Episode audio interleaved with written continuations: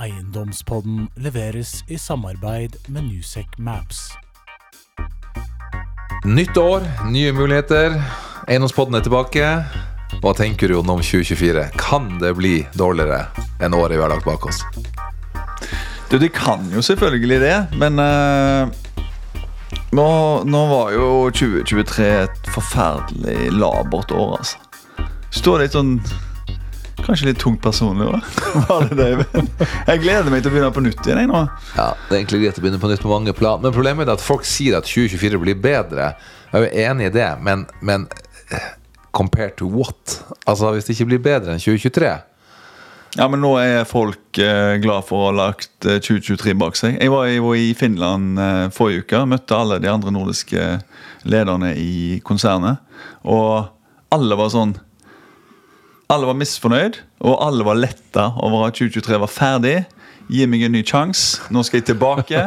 Eh, Du, du ser liksom litt sånn lettere på livet, selv om kanskje ja, markedet ikke nødvendigvis løser seg sjøl, men nå har du iallfall tolv måneder til på å, på å skape et bedre resultat enn det du klarte i fjor. Det var jo stemningen. Men eh, apropos oppsummering. Vi var jo på eiendomsdagene. Estate, fantastisk arrangement. Ja, gratulerer til Estate. Ja. Det syns jeg var et nydelig arrangement å, å være eh, tilhører til. Men hva er liksom feelingen din? Liksom Overskriftene positivt, moderat positivt, dette går ok. Det er liksom to leirer.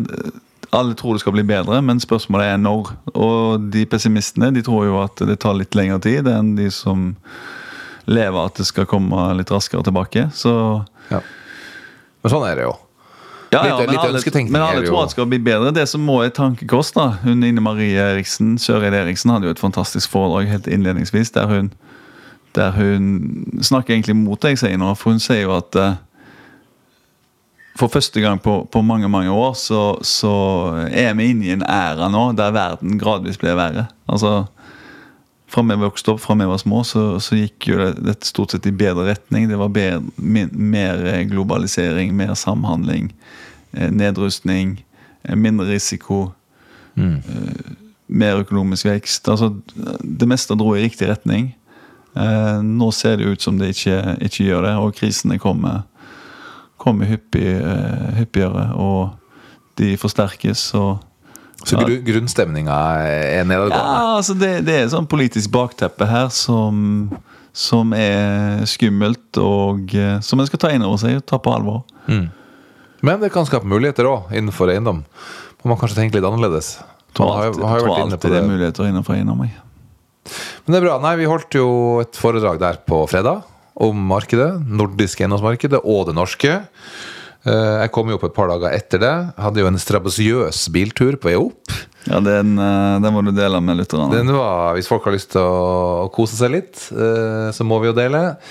Nei, det som skjedde, var jo at som vanlig hadde litt liten margin på vei opp. Så um, satt av gårde hjemmefra, og da skulle jeg komme inn sånn ca. en time før jeg skulle på scenen. da Og det bør jo være nok headroom, tenkte jeg. Eh, Første problemet starta jo på bensinstasjonen på Skøyen, eh, hvor eh, bensinlokket var frosset. Og jeg måtte da inn til hun dama bak kassa og be om en kopp med varmt vann. Og det skulle hun da ha fem spenn for. Så prøvde jeg å argumentere for at nå skal jeg jo da fylle for 27 kroner literen hvert øyeblikk, så en sånn kopp med vann kunne man jo kanskje fått på kjøpet, men nei. Det kunne jeg ikke få. Ingen, Eh, ingen reklame for uh, bensinstasjon på Skøyen? der? Nei, de, de, der var det one down nesten, altså. Fordi uh, jeg måtte jo faktisk inn uh, tre ganger og hente en kopp med varmt vann for å få opp det jævla lokket. Og hun skulle ha fem kroner hver gang. Så da var jo standarden satt. Men jeg kommer nå bort derfra og begynte klatringa mot Norefjell. Ut Sandvika, opp mot Solihøgda. Og så begynte bilen å liksom gire ned av seg sjøl og miste motorkraft. Og da viste det seg jo at eh, det var så kaldt ute at, eh, at bilen bare daua. Så da fikk jeg slengt bilen inn i en sånn eh, liten sånn sidelomme, og så var det jo folk som gled forbi og lurte på om det gikk bra, og det gikk jo ikke bra. Men hva gjør man når nøden er størst? Hvis du liksom virkelig skal gå tilbake til sånn urinstinkt som barn, hvem ringer man da? Mamma? Han ringer mamma. Eh, Så det var det første jeg gjorde. Jeg ringte mutter'n. Eh, og hun er jo snart 80, eh, og når hun da svarer Du, bare kom meg ut av nattkjolen og få meg en kopp kaffe, sier hun. tenkte ok. Mutter'n er skal ikke være med på denne redningsaksjonen her. Uh, Men så tida gikk jo, da. Så når jeg da så på kartet, så lå jeg an til å være liksom oppe en halvtime, uh, liksom headroom. Så jeg hadde jo mista litt tid på den der tininga av det bensinlokket. Men da kom det forbi til slutt en veldig hyggelig kar. eh, og da så han over bilen, og så konkluderte vi med at eh, det her eh, fungerer ikke. Han spurte jo om jeg hadde diagnose. Du eller bilen? Ja, det var jo det, da. Jeg, jeg sier ja, jeg, jeg har jo sikkert diagnose. Ja, hvor da, liksom? Jeg bare, Nei, jeg har den vel i huet, da, liksom. Nei, nei, men da var det jo da diagnoseverktøy, da. Hvem er det som kjører ut med diagnoseverktøy i bilen? Men han så jo hvilken bil jeg kjørte, så kanskje man burde ha det. Uansett, eh, så jeg måtte haike med han til Hønefoss. Og så fikk jeg Hønefoss Taxi som sto klar, med motoren i gang utenfor Scandic Hønefoss. Og så ble jeg tatt videre derfra opp til Norefjell. Og så kom jeg inn altså fem minutter før jeg skulle på scenen. Men, eh, En god følelse? Ja, det var en kjempefølelse. Utrolig sånn dillig sånn oppbygging. da føler du at eh, nå er du optimalt forberedt til Ja, å levere? Ja. Nei da, men det gikk eh, relativt bra. Men jeg føler en viktig del av podkasten vår er også å dele at eh, alt er ikke så perfekt som det kan se ut som. Det er jo greit. Den rollen kan vi ta. Hvis ikke folk har skjønt det ennå. Du, eh, nei, vi snakka jo da om eh, eiendomsmarkedet. Eh, og vi starta jo litt uh, overordna med verdiene. Eh, og det er jo litt eh, interessant. Skal ikke skryte så mye av Newsec, men vi er jo Nord-Europas nest største fullservice eiendomsselskap. Det betyr at vi er til stede ikke minst i Norden. Eh, og som jeg sa innledningsvis, vi er til stede da i fire land. Vi har 73 analytikere, og vi gjør ca. 35 000 verdsettelser hvert eneste år. Eh, og med det så turte jeg å mene noe om hva som har skjedd med verdiene fra toppen og fram til i dag. Eh, og Da var det interessant å se først hvordan yielden hadde påvirka verdiene. Da tok vi et tenkt tilfelle med en kontoreiendom i CBD, og så på markedsleier og yield og KPI. Eh, og da ser vi at ser vi bare på, på yield, så er det Finland som har hatt det verst. De har altså en verdinedgang på kontor CBD på 29 hvis vi bare hensyntar yield. På andreplass har vi altså Norge med 28 Sverige på 23 og Danmark på 21% Så give and take 20-30 verdifall relatert til yield-oppgangen. Men så er det jo noe som heter KPI, og så er det noe som heter eh, potensiell leievekst. Og da forandrer bildet seg veldig, for det vi ser da er at eh, både Sverige og Danmark har hatt eh, null leievekst i perioden. Finland har hatt en levevekst som er lik KPI, så null vekst utover KPI. Mens Norge har faktisk hatt 5 prosentpoeng vekst i Lea utover en hyggelig KPI. Og det gjør at eh, fra å være ned 28% som var nest svakest bare basert på GIL, så er Norge ned 17 og er faktisk det sterkeste landet i Norden når det kommer til lavest verdifall. På kontor. Så den leiveksten vi har hatt, og den kopireguleringa folk har fått, den har vært en man, Mange har snakka om den Støtdemper. støttemperen. Ja. Og det, det har det absolutt vært. Men det har ikke vært det i alle land. Og det er litt interessant å, å se. Men det har jo vært betydelige forskjeller i, i alle landene. Vi følger jo disse markedene tett, som du sier. og Hvis du ser på eh, Norden og Baltikum, da, der vi er til stede, så er jo transaksjonsmarkedet ned nøyaktig 50% fra 2022 på aggregert nivå. Eh, Et volum som vi har talt opp på 24,4 milliarder, milliarder euro. Og eh, dykker inn i ja, Norge kommer du tilbake til, men, men ser en på Sverige, da. Eh, nesten 10 milliarder euro. Ser en på Danmark 2023 5,5 milliarder euro. Finland eh, veldig svakt. Eh, svakeste markedet ned 60,5 eh, 2,8 milliarder euro i, i omsetning. Men den innsikten du nå Ja. sitter og klarer å lire av deg på en sånn overbevisende og Ja, rask måte Ja, der, nå, der var du god. Nei, jeg, tok bare, jeg følte jeg satt og så litt sånn med dådyrøyne på det. Jeg følte jeg tok ballen din, men Nei, nei, nei eh, Men hvor uh, finner du denne informasjonen Nei, den eh, har, lett tilgjengelig? Ja, det er jo lett tilgjengelig for de som jobber i Newsec foreløpig, men uh, vi håper jo å gjøre det litt tilgjengelig for andre etter hvert. Det er jo ikke enkelt eh, å samkjøre et nordisk IT-prosjekt, men det er jo det vi har holdt på med nå det siste året. Lage eh, en transaksjonsapp for nordisk næringseiendom. Ja. Så den er foreløpig ikke tilgjengelig for andre enn Music-ansatte, men eh, det håper vi å gjøre noe med. Så nå er vi inne i siste, siste fase, så ambisjonene er jo selvfølgelig høye. Inn i i, ideell hvor verden, hvis du laster ned den appen, si at den er tilgjengelig om tre måneder. da. Ja. Og så har Ola Nordmann lasta ned den. ja. Hva skjer på appen? Nei, da har du en oversikt over hele det nordiske transaksjonsmarkedet i lomma, der du får oppdateringer på hver måned. Eh, utviklingen i transaksjonsvolum, eh, hvor dealene går. Og i tillegg, iallfall eh, for Norges del, så vil du få eh, varsler i appen på transaksjoner som går. Med de, den dataen da som vi kan ønske og ha mulighet for å tilgjengeliggjøre på det tidspunktet. Og så har du alt da integrert på, på ett sted, selvfølgelig. Så istedenfor å løpe etter sånne som deg eller høre på podkasten, så har du et, eh, et nytt kjøretøy som du kan, kan se på når du står opp om morgenen. Se om du har fått noen eh, er en, skjebner i en markedet. la, lavterskel eh, informasjonskanal. Som du sier, et nytt kjøretøy. Nytt kjøretøy. Det er innovativt. Podden, Maps, snart app og markedsbrev. Ja. Ja. Trenger ikke noe annet enn uh, en Newsec. Trenger snart ikke uh, Trenger ikke å sjøl lenger. Trenger ikke å sjøl nå. Even. Um, vi snakka litt uh, makrobilde. Det er ofte gøy å se litt på hva er på en måte driverne for at markedet har blitt som det har blitt.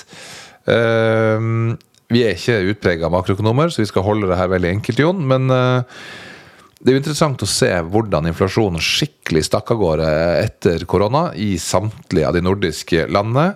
Uh, for Norges del så var det jo desidert eh, minst peak. Altså Vi ser jo både i Sverige, Finland og Danmark så var vi jo eh, på 10% og mer på inflasjonstopp. Mens i Norge så hadde vi en inflasjonstopp som var skal jeg si opp, opp under åtte. Så vi, altså, vi, vi er lavere enn de andre landene. Vi, vi henta inn den inflasjonen raskere. Vet du hva de hadde i Litauen, eller? Nei. Nei, nå juksa jeg igjen. da, Så på, så på så i appen.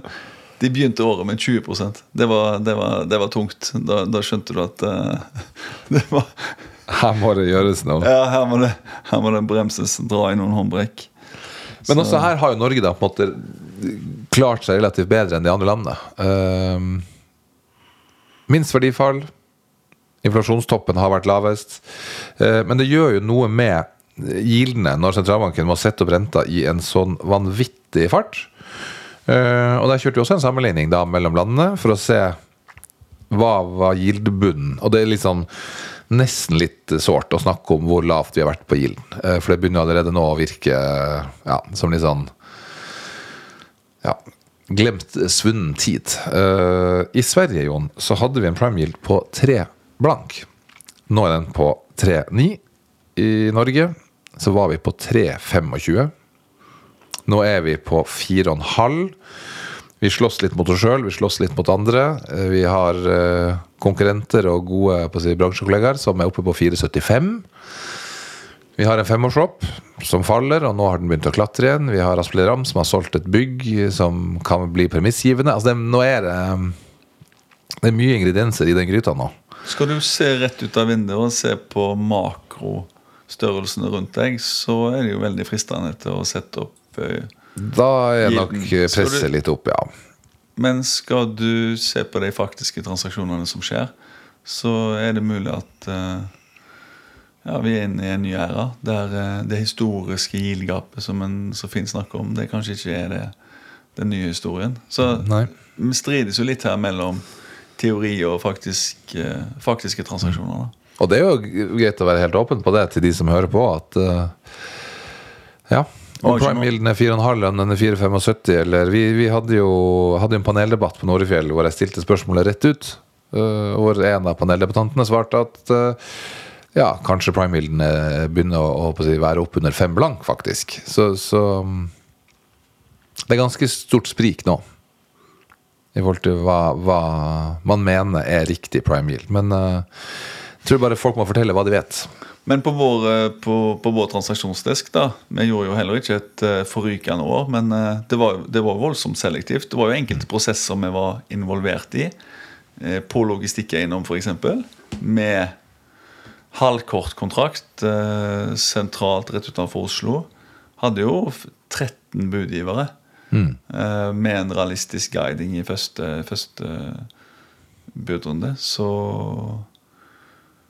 enkelte ganger er markedet virkelig på og, Mm. og, og, og ser, ser at det her ønsker de å være med. Men så trenger markedet litt støtte. da De trenger å vite at ok, vi er ikke alene om å være på de nivåene. Så vi så jo det fra første til siste budrunde. Så, og Ikke bare første til siste, men fra første runde til neste runde igjen. Så var det jo veldig mange aktører som, eh, som økte budet sitt enormt når de fikk vite hvor feltet lå. Og det er jo typisk tendenser du ser i et nervøst marked. Så hadde vi andre eiendommer ute for salg som eh, opplevde mye mindre respons. Eh, så det er et selektivt marked. Eh, Men, eh, men eh, det, fun det, det har fungert. Det er jo ned 50 på, på Norden og drøyt 40 eh, i Norge. Så det er mulig å gjøre transaksjoner. Ja. Så øh, vi kan ta, bare ta Danmark og Finland når vi først er i gang. Interessant å se på, på yield-nivå. Danmark var jo også nede på, på 3,25 på yield, det er oppe nå på 4,1. Men Finland var altså nede på 3 blank i prime yield, og er nå opp 210 punkter til 5,1. Det har ikke gøy, vært gøy å være finne i Nei. det markedet her. altså. Det har vært eh, Og det ser vi også i Newsec-familien, at det er Finland som øh, har grått mest av øh, Finland landet. har grått mye, mye tårer i, i år, altså. Jeg må, jeg må si det. Og de har jo, når vi snakker om at eh, eh, altså utlendinger utgjør sånn 10-15% av volumet altså I Finland så utgjør jo stokken altså, altså Over halvparten av næringseiendom i Finland er jo eid av utlendinger. Så de er jo Det helt, utrolig avhengig av, uh, Av internasjonal as- asiatisk kapital, Ja. belgisk altså det er, det er et helt annet marked. Altså Finland er totalt avhengig av, av internasjonale aktører. Norge er totalt uavhengig, uavhengig av internasjonale aktører til sammenligning. ja, Sverige er jo alt notert på børs eh, i praksis. Her er jo alt i, i syndikater. Så det selv om det er nordiske land, og ja, de har euro i Finland, så det er veldig veldig forskjeller i markedene. Og Derfor skal en også ha litt respekt for å bruke samme oppskrift som rådgiver, megler eller eiendomsbesitter eller eiendomsaktør generelt når en, er, når en går over disse grensene.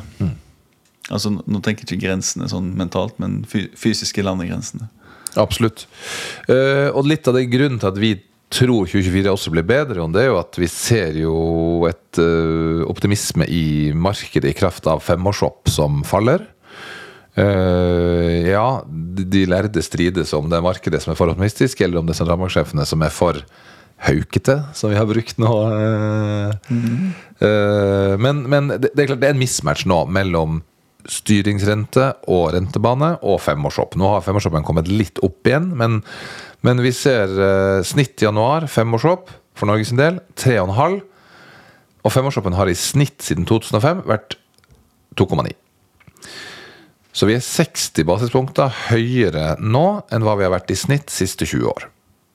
Så da kan man jo tenke at hvis skal, skal trende ned mot 2,9. Det kan vi jo liksom legge til grunn. Uh, og så har jeg en, en, en god eh, venn som jobber på rentesiden, som forklarte meg veldig enkelt dette med For det snakkes jo mye om at ja, markedet priser inn fem eller seks rentenedsettelser neste år. Og så spurte han om hvor, hvor, hvor ser man det? Og så forklarte han meg, og så får vi se om du er med på den her, da, Jon. Men du har en eh, styringsrente og en rentebane. Og så har du Nibor. Og Nibor er egentlig bare styringsrenta pluss et påslag. Og så har du disse FRA-rentene, altså Forward Rate Agreements. Og de settes for tre måneder av gangen, så det betyr at for i år så er det fire måte, Ikke handletidspunkt, men det er, det er fire datoer den måte gjelder for. Og så gjelder den for tre måneder. Så hvis du sier nå du jeg vil handle en FRA i eh, 1. oktober, så er det en forward Nibor du handler. Det er tre, du- tre måneder i, fra, fra Ja. 1. oktober. Ja. Ja. Og når du da sier at det er en forward Nibor, ja, og du vet hva påslaget fra styringsrenta til Nibor er, så kan du regne deg baklengs ned til hva er styringsrenta på det tidspunktet fram i tid. Og femårshoppen er et snitt av alle FRA-punktene. Men hvis du da skal forklare veldig enkelt hvordan femårshoppen oppstår, så er det egentlig bare snittet av de fire FRA-ene hvert år fem år fram i tid. Um, så i dag kunne vi gått inn og sett hva er FRA-en. Fire ganger i år, fire ganger neste år. Da, da, da. Og hadde du tatt alle de punktene og snitta de, så hadde du hatt femårshoppen. Og vi er jo ikke rentespesialister her vi sitter, men Ikke det heller. det, det, nei. Men hele poenget er at når folk da sier at det er seks-syv rentenedsettelser i 2024, så, så, så er det FRA-ene de er utleda fra, da. Det var poenget. Det var en liten digresjon, men basert på at femårshoppen nå er 60 punkter høyere enn hva den har vært i snitt de siste 20 år, så er jo mitt spørsmål da til deg, Jon Og det her er jo 1000-kronerspørsmålet. Fordi det er noe som heter yield-gap. Og yield-gapet er prime yield minus femårshopp. Det er du enig i? Ja. Og historisk så har det yield-gapet vært 180 punkter. Røftlig. Og nå er vi 80 punkter bak. Altså det betyr at hvis femårshoppen faller ned de 60 punktene vi tror den gjør, så er bare 60 punkter av de faktisk 84 punktene gjort.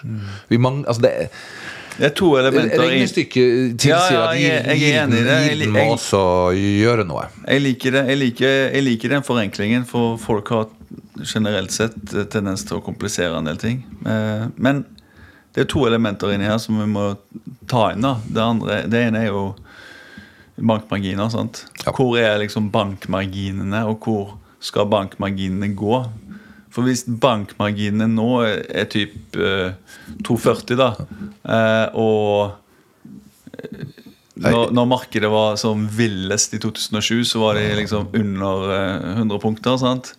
Så det er klart Å finansiere et bra bygg på to, 200 pluss eh, og i et litt annet bankmarked eh, refinansiere seg med 100 punkter lavere, det er interessant. Så det kommer an på hvor mye du har tatt ut der.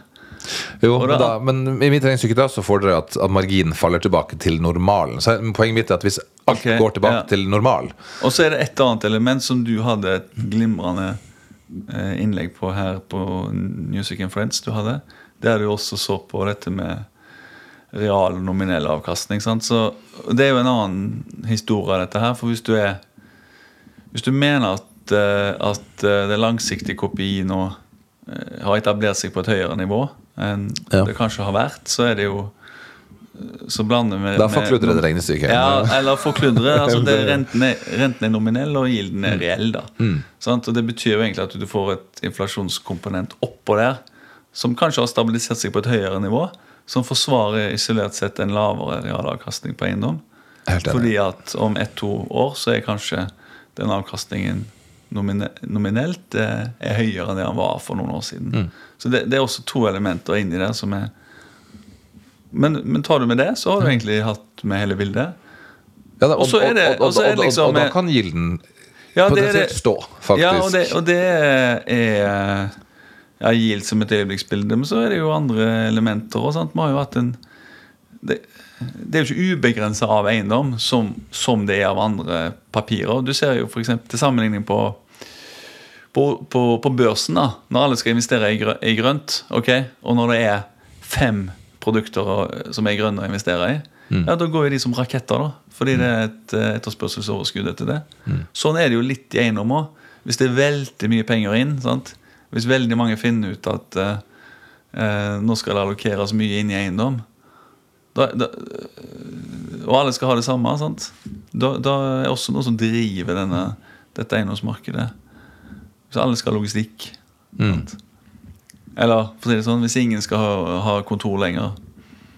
De store trendene der gjør jo noe med interessen i ulike aktiva og ulike segmenter.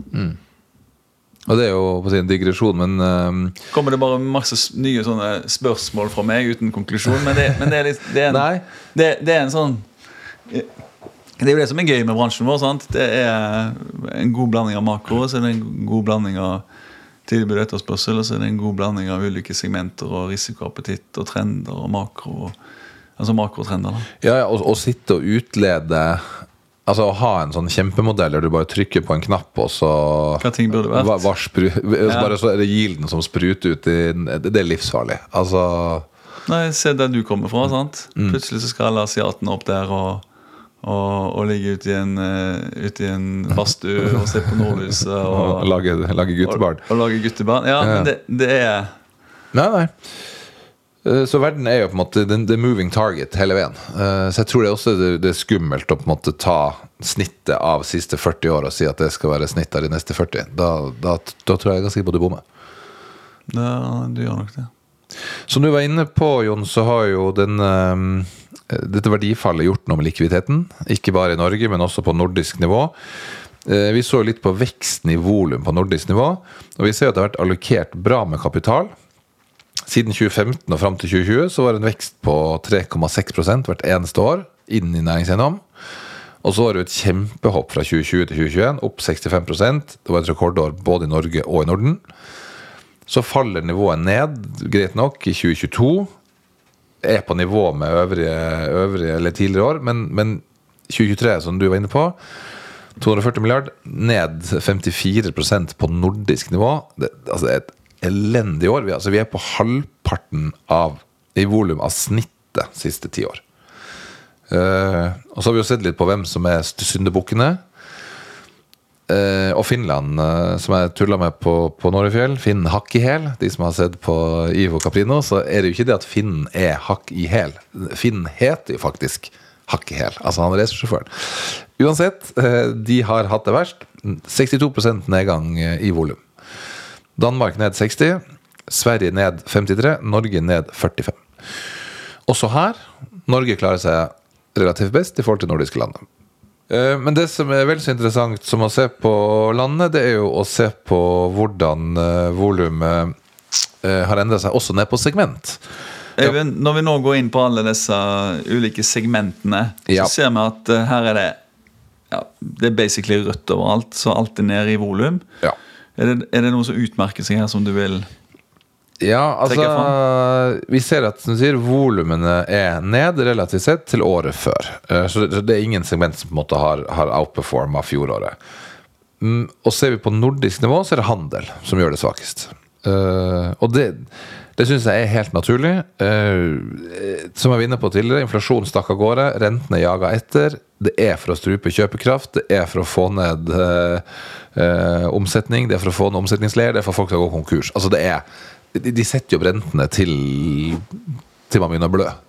Så, så handel sånn sett eh, skal jo ikke gjøre det bra. Da hadde man jo fortsatt å sette opp rentene.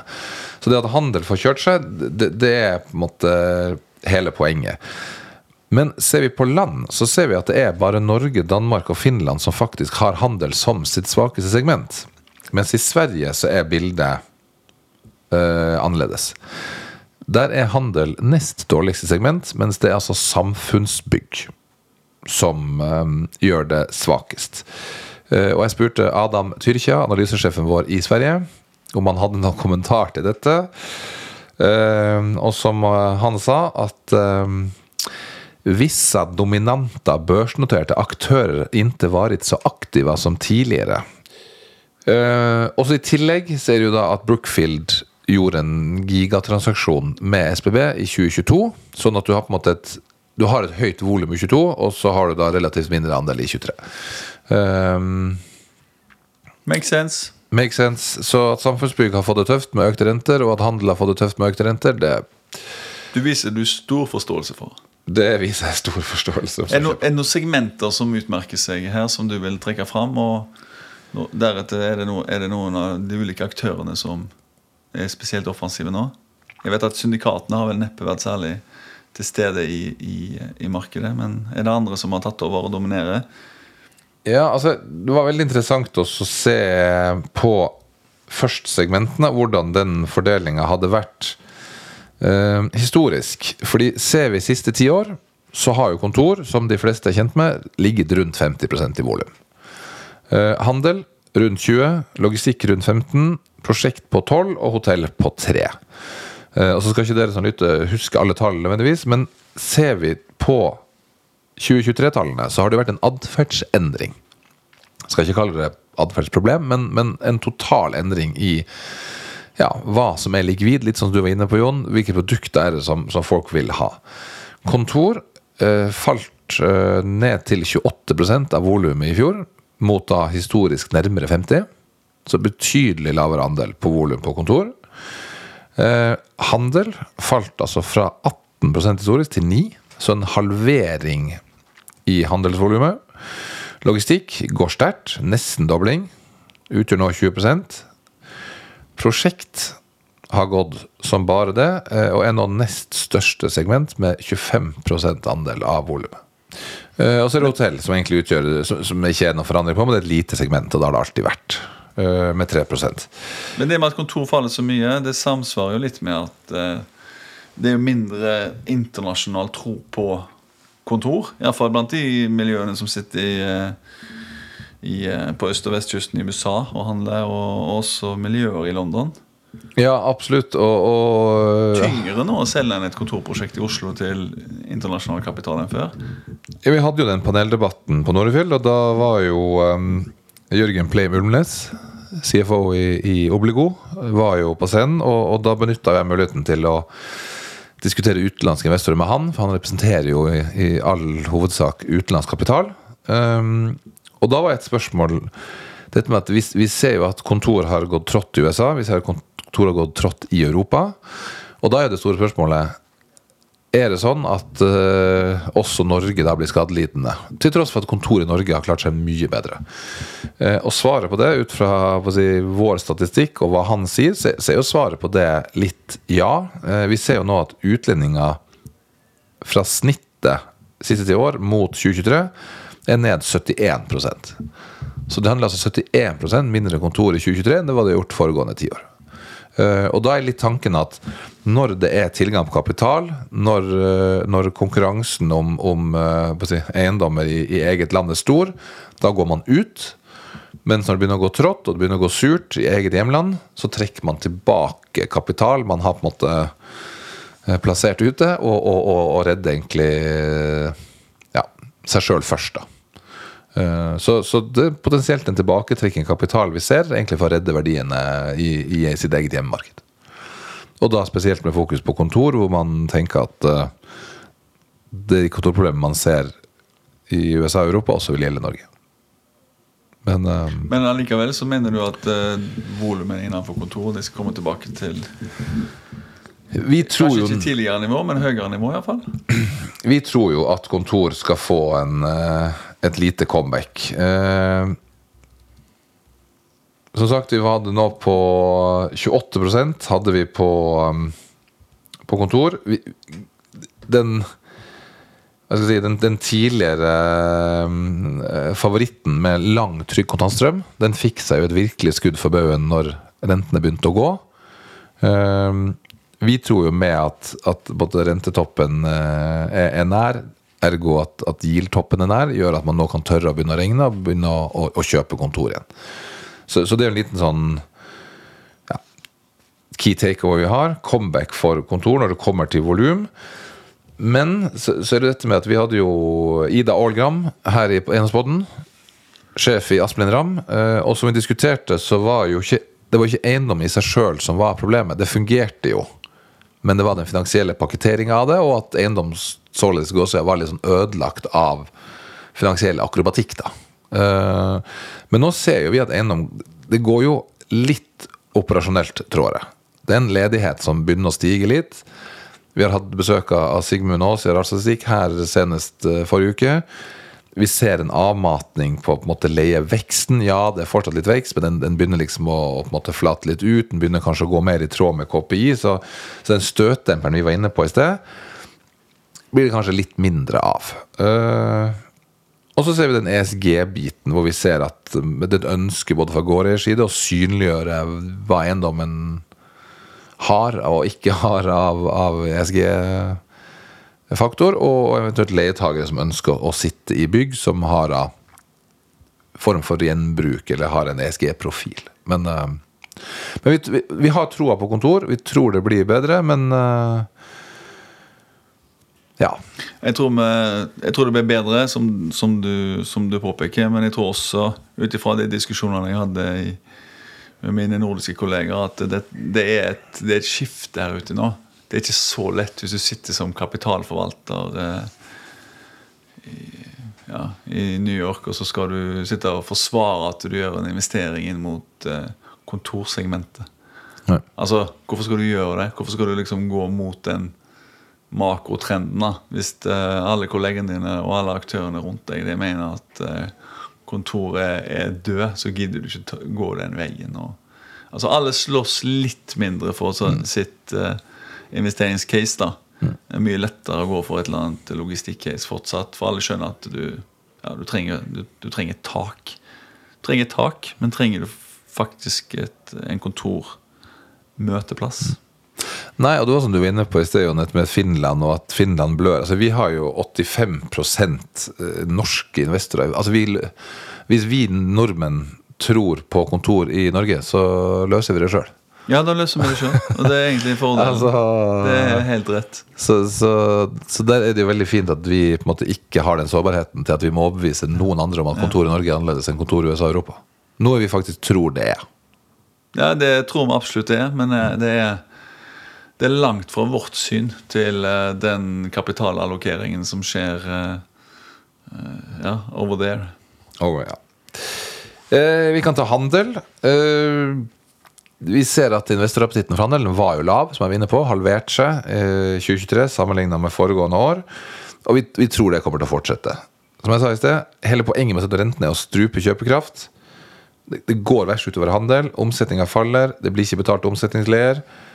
Og, og, da skal du som investor ha en hyggelig gild før du skal begynne å ta i handel. Eh, og vi så jo det under, under pandemien. Dagligvare kunne ligge hvor som helst så lenge det var en viss størrelse, og det gilda rundt fem. Nå ser jeg på deg, Jon, du sitter nærmere markedet, men, jo, jo. men veldig enkelt. Ja, ja. Nå, hva, hva, hva gilder det nå? Sju? Seks? Ja, men Du kunne ikke gå inn i en pitch i hvert fall, uten å tro på at du skulle få fem i gild. Da var det ingen vits å delta. Så. Men hva gilder nå, da? Ja, Det varierer jo selvfølgelig fortsatt, da. men det har jo fått et markant hopp, eh, det òg. Mm. Straffa som alt annet. Mm. Men jeg synes, hvis, du, hvis du ser tilbake på de, Hvis du ser tilbake på året som har vært, sant?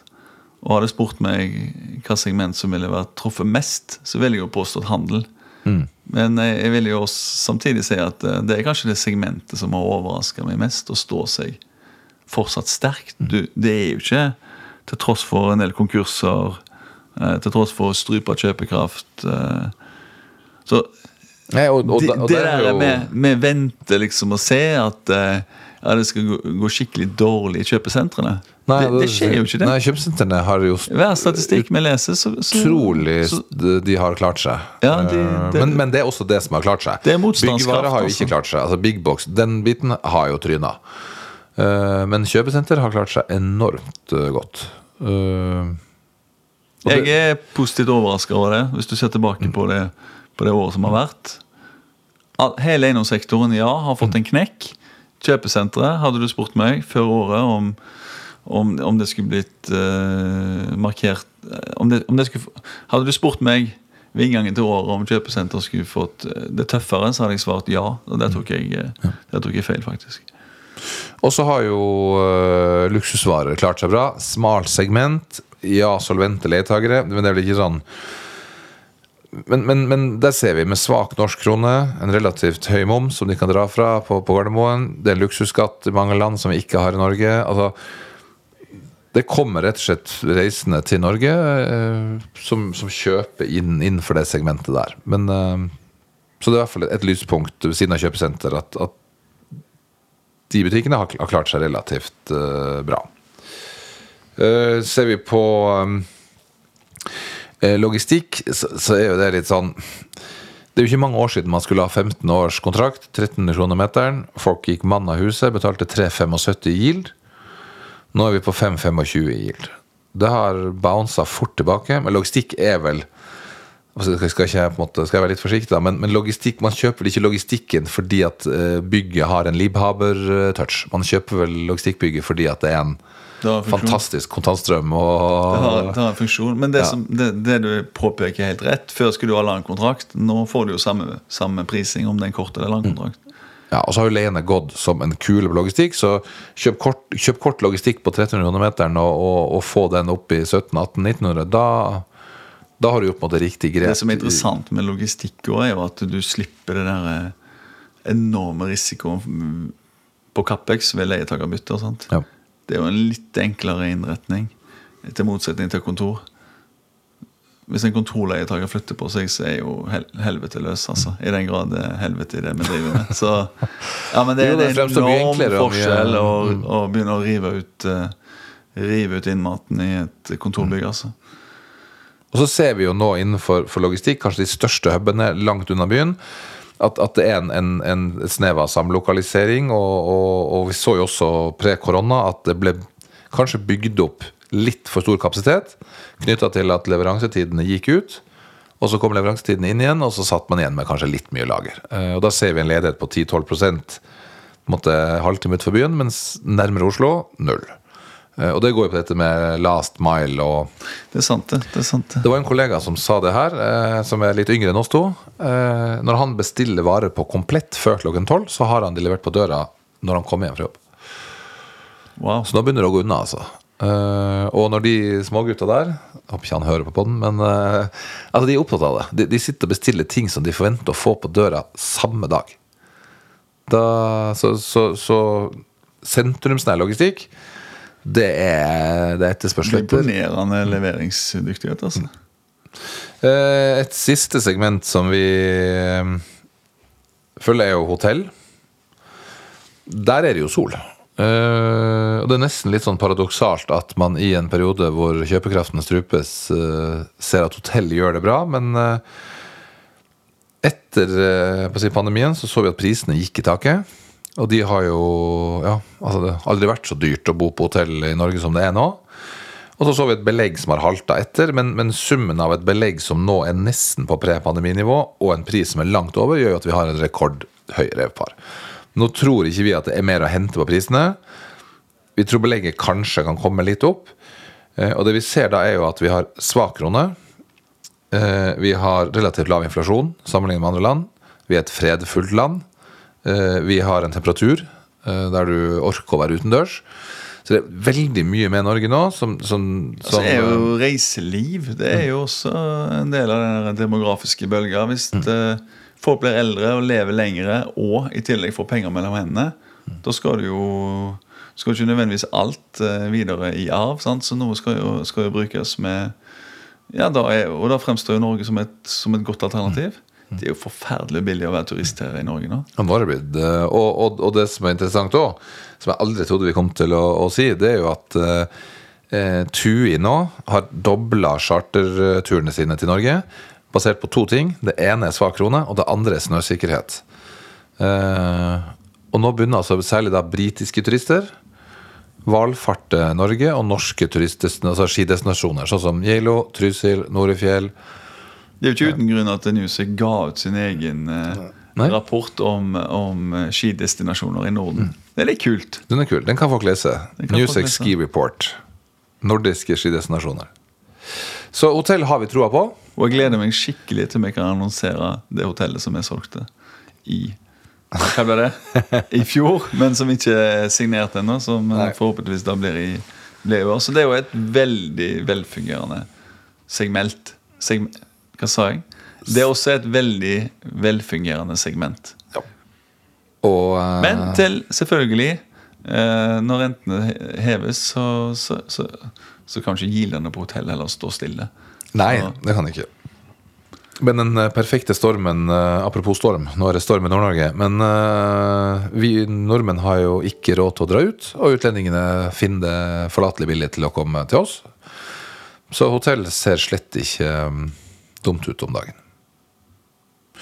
Uh, Skal vi avslutte litt ned på bynivå? Nå har vi vært i Norden, vi har vært, eller vi har vært i Makro, Ja, vi har vært i Norden, de- Norge, litt i, litt i, i byene. Innom skjer. et par stor, storbyer. Men kan jeg, kan jeg ta en liten sånn der uh, Skyte inn sånn hvile, hvile Før du går til byen, Øyvind, kan jeg bare skyte inn et par ting som jeg syns er, er kult. Vi har snakka en del om Music Maps i vår podkast. Det som er gøy nå, er at uh, vår daglige leder for Music Maps, Frede, er jo da nominert til Cityglød. Ja, som én av tre. Som en av tre kandidater. Gratulerer til alle nominerte. De eh, skal jo ha kåringen uh, under Citykonferansen 15. februar. Ja. Det er spennende. Får vi se om han stikker med seieren. Uansett, vi er veldig stolte av at han er én av tre nominerte. Og hvis du i den forbindelse er interessert i data om det norske markedet, da er det jo ingen andre steder som er, har mer data tilgjengelig. Nei, og vi gjorde jo, apropos det, Jon, vi gjorde jo en uh, liten analyse av uh, transaksjonslista vår. Uh, og tok litt tall fra appen vår. Og så krysskjørte vi det mot kundelista til gutta våre i Music Maps. Eh, og det de kunne fortelle oss da, var at eh, i annenhver transaksjon som ble gjort i fjor, så var det en aktør, enten i kraft av kjøper, selger eller megler, som hadde brukt Newsec Maps. Det er helt riktig. I hver andre transaksjon, tilsvarende 30,9 milliarder, så var det en aktør som hadde brukt Maps. 88 av 199 dealer. Og innenfor kontorsegmentet så var det faktisk hele 75% som var i besittelse av Newsing Maps. Og det verste av alt, at det var noen transaksjoner hvor samtlige, altså alle tre, satt i Maps og deala. Så ehm, hva er moralen i visa, Jon? Eh, Jo, skal du være aktiv i transaksjonsmarkedet og få tak i de beste dealene, så er du sjanseløs hvis du ikke har Newsing Maps. Kan vi si det?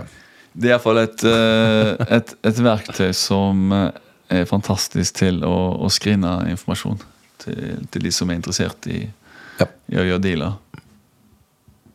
Så da fikk vi solgt litt inn eh, det produktet. Men jeg føler ikke det Ja, jeg innsalg, for det er såpass bra. Altså det, Jeg syns Frede fortjente, fortjente en Ja. liten applaus på radio. Ja. Skal vi avslutte litt med en liten rundreise i vårt langstrakte land? Ta Oslo først, som vi var inne på. Operasjonelt eh, litt trådere. Vi ser en, en ledighet som nå er 5,7% Litt opp fra tredje kvartal. Um, vi ser at CBD går best, med ledighet på rett under 4 mens eh, Bryn-Helsfyr der går det trådest om dagen. Der har vi altså en ledighet på, på 13,5 um, Som jeg var inne på, Sigmund var her. Euforien i leiemarkedet ser ut til å være på en måte noe avtagende. Eh, per Q4 så guides det på en uh, på 6003. Flat utvikling. Eh, og prime yield Vi er på 4,5. Så får tiden vise om vi, Hvor lenge er det? om vi går etter eller om vi står. Det får jo markedet vise, da. Det får markedet vise. Eh, tar vi Bergen, eh, så har ledigheten holdt seg noenlunde stabil gjennom året. Litt opp. Snakker nå eh, 8% ledighet i Bergen. Og der er det næringskorridoren som går best. Eh, Fyllingsdalen, Sandli og Åsane eh, som går dårligst. Topple Bergen 3007. Prime yield 5 blank. Ja, det tror jeg til og med disse bergenserne som, som, eh, som handler på Torgallmenningen og, og Den blå steinen, de, de kan være enige om at Prime Yield ligger rundt fem. Det var jo forsøk på å selge høyattraktiv næringseiendom der på, på torget som en, mm. som en uh, dro i bremsen. Så at vi ligger rundt fem, er, er, det tror jeg alle er enige om. Vi har jo kontor i Stavanger og følger markedet veldig tett. Ubeskjedent til å påstå at vi har de dyktigste næringsmeglerne på, på bakken der. Eh, ja, hva sier Jarle? Hva sier Kristian? Hva sier Stian og Kaja? De, de, jo, altså de er jo ekstremt offensive, offensiv, så der er det jo heller vi som må holde igjen de. Eh, der er jo Stavanger verdens navle, men sånn skal det jo være. Man skal jo være litt patriot. Eh, men der falt ledigheten eh, til eh, 7 Sentrum og Hinnapark holder seg sta stabilt uh, lavt, og, og Forus begynner faktisk å se stadig bedre ut. Uh, det er jo lenge siden man har snakka om at Forus uh, måtte begynne å se bedre ut. Uh, Toppler i sentrum. Uh, 4001. Uh, det er vel særlig Base Property med K8 som Nybygget til, til, Base det setter jo en ny standard. Det er ikke lenge siden Herbarium heller var, var nybygg. Nei. Men de nådde ikke de nivåene her, så Og her er Prime Yield 525. Det går i riktig retning. Men det er jo et skrøpelig transaksjonsvolum, da. Mm. Altså Hvis du hadde vært transaksjonsmegler i Stavanger, da hadde det vært bedre å ta et år off. altså ja, men der er det virkelig ja, da, nå, det, var, det, var, ingenting. Men, men, Stavanger nå er jo uh, De nyter jo godt, dessverre, av uh, si, uroen som er globalt, i kraft av økte oljepriser og, og, og det som er primærområdene i Stavanger. Så, så det, selskapene gjør det, jo, gjør det jo sterkt i Stavanger. Selskapene gjør det sterkt, så det er ikke noe synd på den gjengen lenger. Men uh, de som lever av transaksjoner, de det er det litt uh, fram med havregrøten, altså. Uh, Trondheim til slutt. Uh, litt medvind. Uh, arealledighet er på 4,9% altså under 5% ledighet. Det er pent. Um, og toppleie her er jo lavt. 3002 i Trondheim. Høyeste leiene. Får knapt satt opp nybygg på det. Ja, Det får man jo knapt nok gjort. Altså Du må vel ha 3000 pluss for å hele tatt kunne sette opp nybygg. Prime Yield 525, samme som Stavanger. Så um, Nei. Forsiktig optimisme. Det går ikke så hakka gærent, men, men um, En yield som uh, stopper opp, er vel uh, hovedkonklusjonen. Kanskje kan uh, bli der. leie som faktisk stopper litt opp. En ledighet som stopper litt opp. Alt er liksom 2024 blir litt sånn eh, Det blir i hvert fall et forutsigbart år.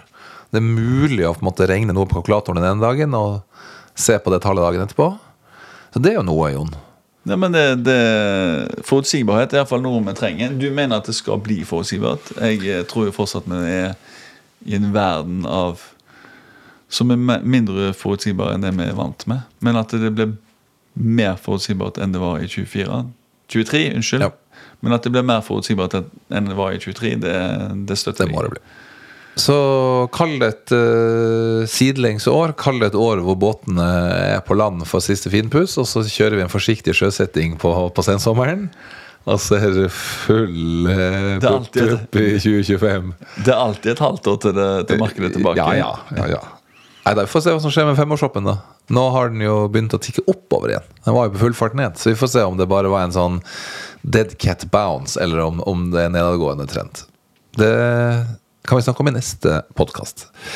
Eh, men eh, nytt år betyr jo nye muligheter. Vi har en eh, McKinsey-pod som vi nå skal slippe. Som kommer rett etter denne her. Vi har en eh, byantikvar som kommer på besøk. Ja, Og så har vi en uh, samfunnsviter som også har snakket om at han har lyst til å komme og ta, ta en prat. Så ja. vi beveger oss litt til liksom by, bygulv, samfunn, områder, byutvikling. Uh, ja. Utvide perspektivene litt. Ja, vi må gjøre det. Even. Så um, hvis det er andre tema dere ønsker å ha debattert. Gi beskjed. Eh, vi kjører på som vanlig og er tilbake om ikke altfor lenge. Tusen takk for praten, Jon. Hyggelig.